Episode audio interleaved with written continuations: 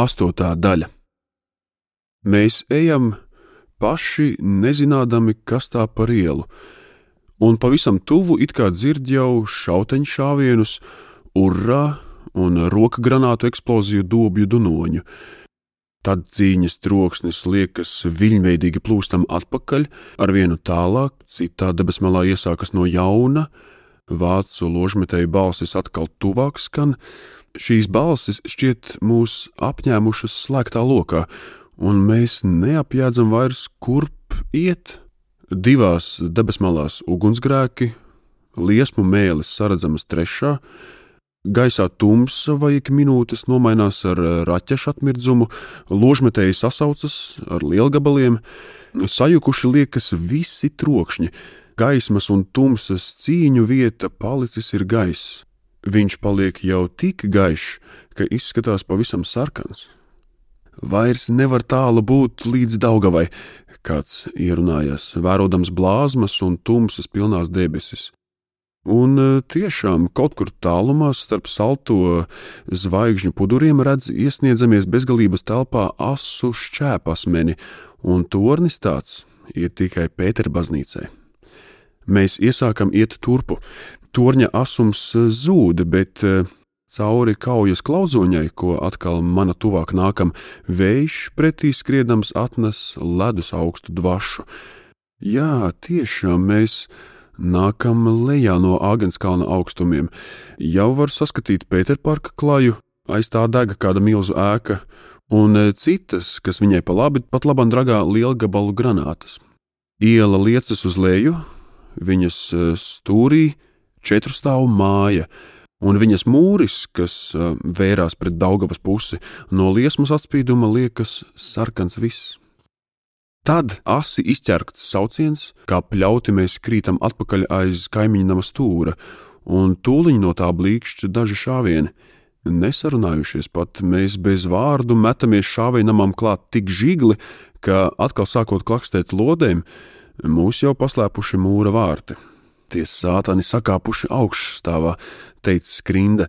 Redz, apakšējiem stāvam aizkrauti visi logi. Tiešām, skatoties no vārtu vēlves iekšpuses, ir redzams, ka tuvējiem sētas logam aizkrauts priekšā kaut kas līdzīgs mēslu kastei. Otrā redzams ir tas pats. Varbūt tiksim iekšā pa durvīm, Konrāds šņāts, taisīdamies skriet ārā uz ielas. Es sagrābju viņai pleca, traksis, vai? Ja krāva ciet logus, tad durvis jau nu vaļā neatstās. Viņš eh, mazliet nomierinās, eh, pakar plecā šauteni, tad eh, metās prom uz pagalmu pusi, ielec loga nišā un gāž stiklos ar laidi. Stiklis skan un birst. Šaušana no augšas top niknāka. Konrāds pat tam ir izdaudzījis visu logu, izlauzis tā rāmjus pat.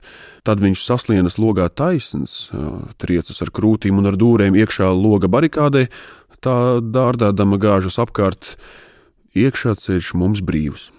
Konrāds pats logā pazudis. Mēs eh, gāžamies tam pakaļ, un es redzu, kabatas laternas gaismā, ka dundadznieks nikni rausta durvju rokturi. Aizslēguši no koridora puses, viņš norēcas. Puikas, eh, paiet mazliet sānus, viņš saka, noņemdams no jostas vācu granātu. Mēs eh, ievelkamies kaktos, Konrāds pats aiziet aiz gāztā skapja, un tad laiž viņam pāri un durvīs granātu. Tā sprākst ar dulinošu troksni. Kaļķi birst no griestiem un no sienām, bet durvju vietā tagad redzams izlausts liels caurums. Izskatās, kā sāpēs sašķobīta milzu mute, kas tagad eh, aprī mūs. Koridorā pavisam tumšs. Mēs taustām kāpju margas, nākam eh, augšupkāpt, un e, esam tikuši tepat līdz e, trešam stāvam, kad e, augšā piepeši, kur pazib divi, trīs šāvieni blīkšreizē. Kaut kas mums nošņāts garām, un lejā apakšstāvā trepi tāpās sprākst mūsu galvām notēmēta granāta. Mēs šaujam atkal reizē, tēmēdami tanī vietā, kur nu pat vēl pazibēja šāvienu ugunis. Kāds novaidas, krīt, iesāka vēlties lejā, un e, šāvuši vēlreiz augšup, sākam pa trepēm skriet. Augšā klauds durvis, ķerzošā balsī kāds sauc, un tad mums e, instinkts liek atrauties sānis, atvilkties aiz kāpju leņķa, un to liņu iesāk trepju telpu skalot, ložmetēja šautu ložu šalts. Mēs atvelkamies līdz pat trešā stāva dzīvokļu durvīm. Viņas e, ciet, iekšā liekas tukšs, un ložmetēja tarkšķēšanas atbalsts šalts pa visu namu. Ir bieza tumsa, lodes klakšķēdamas ārda mūri, un drīz pēc kaļķu biršanas un baltumiem, kas rodas sienā, var manīt, cik tālu sniedzas ložmetēja sētās nāves lokus. Konrāds sāk uzmanīgi virzīties tam tuvāk, vēro augšu, kaut ko rūc, un tad man pēkšņi liekas, ka tas ir ņēmis rokā rokas granātu. Jā, tiešām var jaust platu vēzienu, kaut kas klaudz, atsizdamies laikam augšas durvīs, un tūliņ noduns sprādziens. Tā atspīdumā liekas man, ka augšā redzu iegāžamies durvīs cilvēku augumu, kas nogāžas par kaut ko metāliski tumšu, un eh, manim gandrīz blakus pazib dundadznieka vaigs, zvērodams niknā priekā. Tad atkal tumsa, augšā jauni šāvieni, kas šauti lejup, Puikas, meklējiet uguni, teica Konrāds. Izkvēpināsim viņus kā lapsenes. Ar bises laides triecienu viņš lūko ielausta durvis, tās nestiprākas nekā lejā. Ātri padodas, un e, tad mēs abi ejam iekšā. Steidzamies meklēt virtuvi. Mums laimējas pie plīts nolikta pilna petrolejas pudele. Es ņemu cieti to, Konrāds no guļamistabas vēl kā ārā pēli, liek pie durvīm, steidzas atpakaļ, un es tam rādu uguni. Vajag vēl kaut ko, viņš rūc, palicis brīnum kustīgs, un tagad tam šalts pakaļ vilkts pa grīdu gultas salmamais. Mēs aizvelkam šīs mantas līdz apšaudas lokam, sviežam augšpus uz kāpnēm, un tad es laižu par roku galam trepju malas sienā petrolejas pudeli. Tā plīst un eh, skan, kaut kas sāk čabēt salmos, un tad mēs atvelkamies sānis, un eh, petrolejas pudelē aizlido nopakaļ granāta. Tās sprādziena grāviens nobirdina uz mūsu galvām apmetuma drumslas, bet eksplozijas liesmu fontāns nesaplok. Viņš plešas platāks, augšup skrien, nāk lejup, kāpju tāpas sāk piepildīties kodīgi smacējušiem dūmiem, Tie smacē kaklus, spiežas acīs, berzējam viņas bez stājas. Pacietieties viena, puikas, saka Konrāds. Dūmi jau ir tāda lieta, kas mīl augšup kāpt. Gan tie tur augšā drīz vien skries uz jumta. Vāci ir mitējušies šaut, varbūt viņi pamēģinās glābties beiniņos, es saku, un Mēs ar Konrādu atvirzamies līdz kāpju leņķim, un ar vienu roku lūkodami no dūmiem paglābt acis, ar otru atvēzējam katrs pa granātai. Jā, tiešām, cauri puspievērtiem eh, asarainiem plakstiņiem var manīt uguns atspīdumā augšā parādāmies streipuļojošus un līkus stāvus. Glābdamies no dūmiem un liesmām, viņa lūko meklēt eh, jumta durvis, tiecas augšu, tīrā gaisā tikt mēs sviežam reizē, reizē sprākst divas granātas. Kāds krīt, kāds vaida, kāds trešais gāžās iekšā liesmās, kūleņodams lejup slāpē guni. Liesmu gandrīz vairs nav, vēl kodīgāki paliek dūmu mutuļi. Cīņai mājas dēļ šķiet ir beigas, un arī ārā pamazām ir stājies kaujas troksnis, nesen vēl tik skaļš. Mēs eh, steidzam iekšā dzīvoklī, meklējam rokās paiņus, griežam vaļā ūdenskrānus, un eh, pamazām beidz gruzdēt trepēs, eh, gāzties salmi, vairs spilvendrānas nekvēl. Dūmi iesāk ārā plūst pa visiem vaļā vērtiem logiem. Ārā jau kļuvis gandrīz gaišs, uz Kuzņecova fabriku pusi jau manāms saules lēkts. Es atvelku elpu un taisos augšā kāpt lai apskatītos, un eh, Konrāds nāk man līdzi. Mēs kāpjam pāri vācu līķiem, viens no tiem apdedzis, un nāk no viņa apsvilušas gaļas smaka, otram gluži melns no kvēpiem vaigs. Augšā starp eh, durvju dēļu lūžņām un kritis pār sadragāto ložmetēju guļ drukns kareivis, galvā vēl bruņu cepure, un mirušajās acīs tam sastingusi naida spīdz. Istabā grīda piesvaidīta tukšām patronām un ložbērēju lentām, un loga tuvumā guļ vēl viens, kuram asiņainas krūtis. Vai tie jau būtu visi? Konrāds pašūpo galvu, un mēs ejam bēniņos. Tie pilni vēl ar dūmu kodīgumu, bet jumtā lūka vaļā, un cauri tai deg rožu sārtās rīta debesis.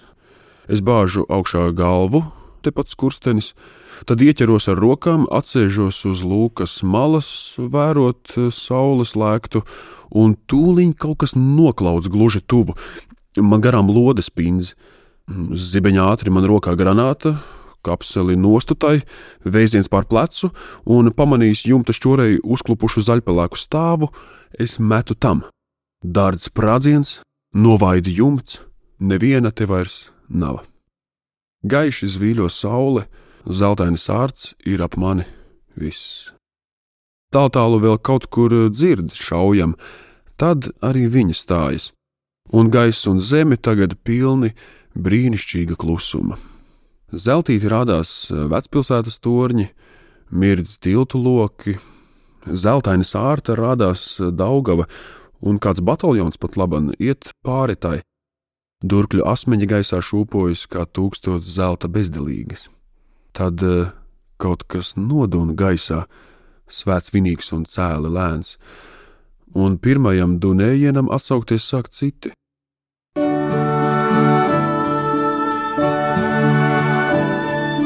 Gaiss dimd un skan, un tikai tad es apjaušu, ka tie ir gavīgi zvani. Viss zvanu skaņām pārplūdis šķiet Pētertornis, domas tam atsaucas, skanda vecais pazemīgais jēkabs, no esplanādes puses viļņo šurpu katedrāles zvanu pulka līksmā šķindoņi, zelta sārta gaisma un zvanu skaņa pilni gaisi, un viegla man bez gala sirds. Un spožums liels bez mēra līst man dvēselē, un valks no zvaniem vai no rīta saules kļuvis acu skats.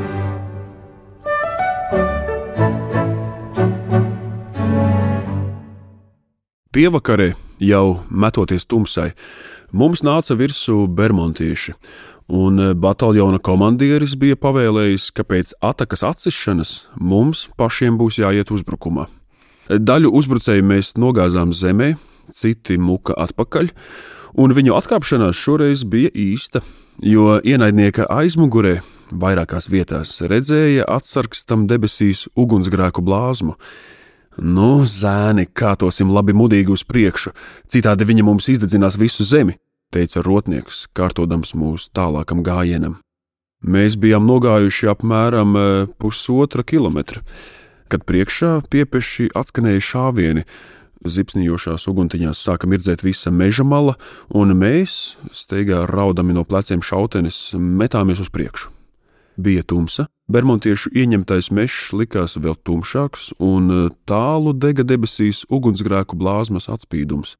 Krita viens un otrs, tumsā neredzams, bet eh, smago ķermeņa kritiena troksni austvēra arī skrejošu zābaku klaudzoņā uz sasalušās zemes un ložmetu šāvienu tarkšķēšanā. No mežmalas atskanēja urrā saucienu brāzma. Ienaidnieks nāca mums pretī, bet mēs to samīņātu dzinām atpakaļ mežā, nokaisīdami sasalušo pļavu līķiem. Tad es piepeši dabūju briesmīgu triecienu pa kreiso kāju lejpus ceļa, skrējienā apsviedos uz galvas un jūtu, ka guļu zemē, kas likās briesmīgi augsta, ka cīņas troksnis ir aizvirpuļojis mežā, un man no kājas plūst kaut kas lipīgs un silts. Mēģināju celties sēdus, bet ievainotā kāja bija palikusi līdz pašam gurnam stīva un smaga kā svins. Asins peļķi ap viņu ātri pletās platāka, sākdama slapināt arī labo kāju, un es jūtu, ka pēc stundas vai divām man pienāks aiz nosiņošanas gals. Sakot zobus, es dzinu projām nesamaņu un lūkoju koncentrēt visus prātus, lai izšķirtos, kas darāms. Saukt sanitārus nebija nozīmes, Visi tie bija aizskrējuši rotai līdzi, jālūko apturēt asins noplūšana, es sev teicu, un tad man rokas jau instinktīvi bija sākušas atraisīt šautenes siksnu. To cieši aptinu ap kāju augšpus brūces, bet asinis vēl tomēr plūda, kaut arī netik strauji kā pirms apsiešanas. Tad es atcerējos kādreiz bērnībā redzēto malkas vezuma sasiešanas skatu, sameklēju durkļa maksti, aizbāzu viņai siksnas un griezu reizes divas ar visu spēku, maksti novilkdams atpakaļ. Asins tecēšana apstājās, kāja lejpus celim ātri notirpa, un es gandrīz vairs nemanīju sāpju. Toties ķermenis sāka kratīt trīses, un reizē nāca tā kā miegs, taisīdamies vērt cieti acu plakstiņus. Ļauties miegam nozīmētu nosalšanas nāvi. Ar visiem spēkiem es centos turēties tam pretī, un tad man piepeši bija acis kļuvušas atkal platas, un es grābu pēc šautenes, jo dzirde bija uztvērusi tumsas melnumā vieglus, zaglīgus soļus. Bermontiešu izlūki man iešāvās prātā, un eh, atbalstījies uz šautenes, es lūkoju sagriezties uz to pusi, no kuras bija atlidojusi šaubīgā dipoņa. Nācējs laikam bija viens. Viņš nāca uzmanīgi un lēni, mirkli apstādamies, un tad zagdamies tālāk. Es biju apņēmies šaut, līdz ko nakts melnumā varēs pret eh, ugunsgrēka blāzmas svītru manīt bermontieša augumu. Es e, skatījos, viss drebēdams no augstuma un arī no uztraukuma, uz mirkli pat e, piemirsu sašauto kāju, cieši apņēmies nonāvēt. Tagad man vajadzēja manīt nācēju katrā ziņā, jo es gulēju pusguļus, ar elkoņiem atbalstījies uz sasalušās zemes, un pret e, blāzmas atspīdumu varēja saredzēt retas purva priežu galotnes. Nācējs nav redzams, un tomēr es dzirdu tās soļus manu viņa tuvumu, tad dažus sprīžus virs zemes iegailās divas sarkanas uguntiņas, un ausīs man piepieši iesitas gari stiepta kaucoša skaņa. Vilks! Man zibeņā ātri izšaujas cauri smadzenēm, tirpas iet pāri mugurai, un es nemērķēdams šauju uz to pusi, kur nu pat vēl kvēloja plēsīgās acu ugunis. Šāviena troksnis tagad šķiet briesmīgi skaļš, atbalsts ilgi šalts mežā, bet e, šautene man uzbudinājumā izkritusi no rokām. Es drebēdams to sameklēju tumsā, spiežu sev klāt, man trīca lūpas un no acīm projām aizbēdzas miegs. Vilki nemēdz klejot pa vienam, es saku pats sev, viņi staigā baros, un ja tu nevēlies, lai tevi saplosa dzīve, tad paliec nomodā. Kādu laiciņu es turos, bet tad manu, ka galva atkal liecas uz krūtīm, un bezgalas smagi sāk palikt plakstiņi. Izmisis es turos pretī miega varai, bet domas jau sāk sajaukties cita ar citu. Atmiņā drūzmējas pagātnes ainas, un tad viņas visas uz mirkli aizēno pēckaujas skats, lūkšana kur skaitīja mūsējās rotas kareivji, dzirdēdami atbrīvotās Rīgas zvanus un savus kritušos biedrus pieminot. Es redzu itin gaiši viņu sejas, kaut apkārt melna nakts, tūmā nav neviena dzīve, tikai vilki, un nāves miegu guļ mūsējo un bermontīšu kritušie. Tad man kaut kas iedrebas krūtīs, es salieku lūkšanai rokas un sāku skaitīt trīcošām lūpām. Dod mieru mūsu brāļiem, kas krita šodien un vakar, un visiem, kas devuši dzīvības par mūsu tautas dzimteni. Dodi mieru mūsu brāļiem, kas devuši dzīvību par dzimteni, tumsā, kas ap mani atkārto klusas balsis, tik klusas, ka uz mirkli liekas tas tikai vējš, kas čabina sen sakaltušas lapas.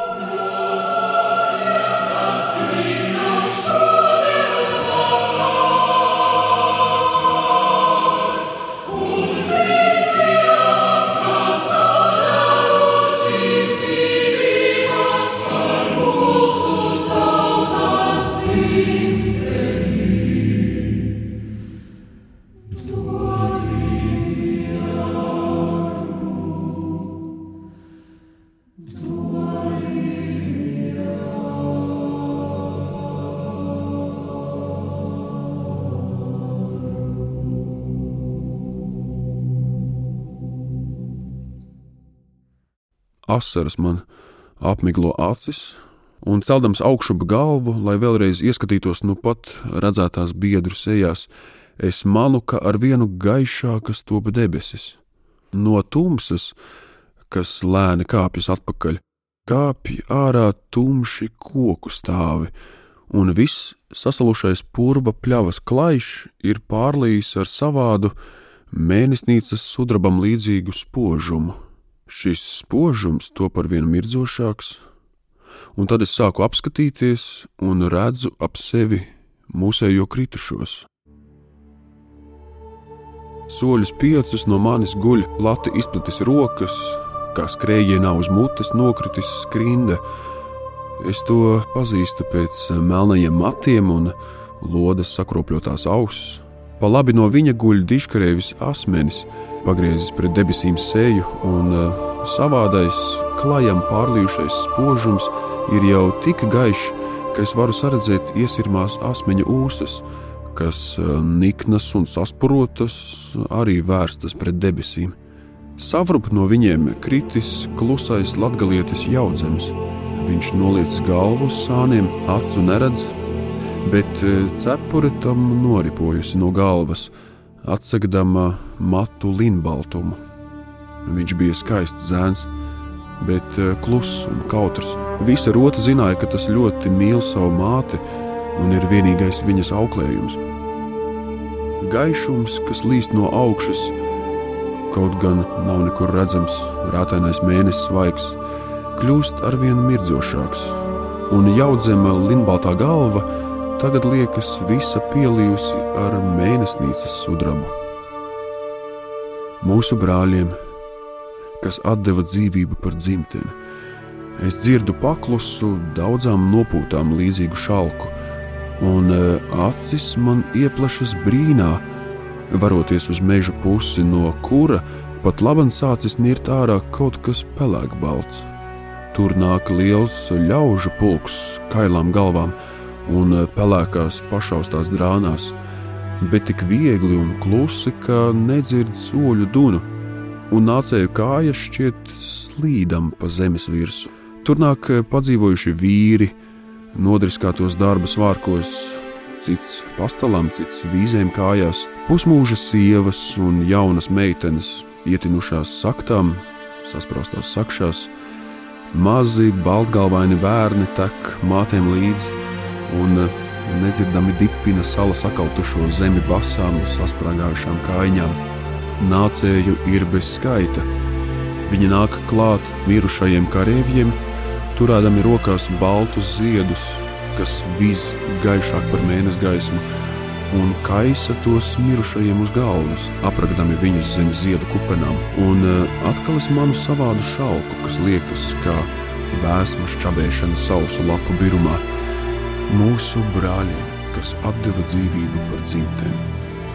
Jau pazuduši mirdzoši balto ziedu kaudzēs kritušo augumi, bet nācēju pulkam vēl nav gala, un no meža tumsas nirst ārā jauni, un visiem ir bezgala klusa gaita, visi tie rokās nes ziedus, balti sudrabotus un mirdzošus, un uh, tur ir jaunekļi, cauni cepurēm galvās, un meitenes svētku drānās ar vizuļu vainagiem. Un uh, tad es manu, kluso nācēju šalkoņā kaut ko līdzīgu tikko samanāmam soļu ritmam, un no meža sāk ārā nākt jaunekļi ar zobenotām saulēm pie krūtīm un spītīgām galvām, un es redzu draugus, kuri mira tīreļpurvā, un vīrus, kuru dzīvības sadega ložmetēju kalna ugunīs, un eh, citiem līdzi nāk purva trūda dvaša, un uh, smagi birst no citu kājām sasalusi kapu smilts.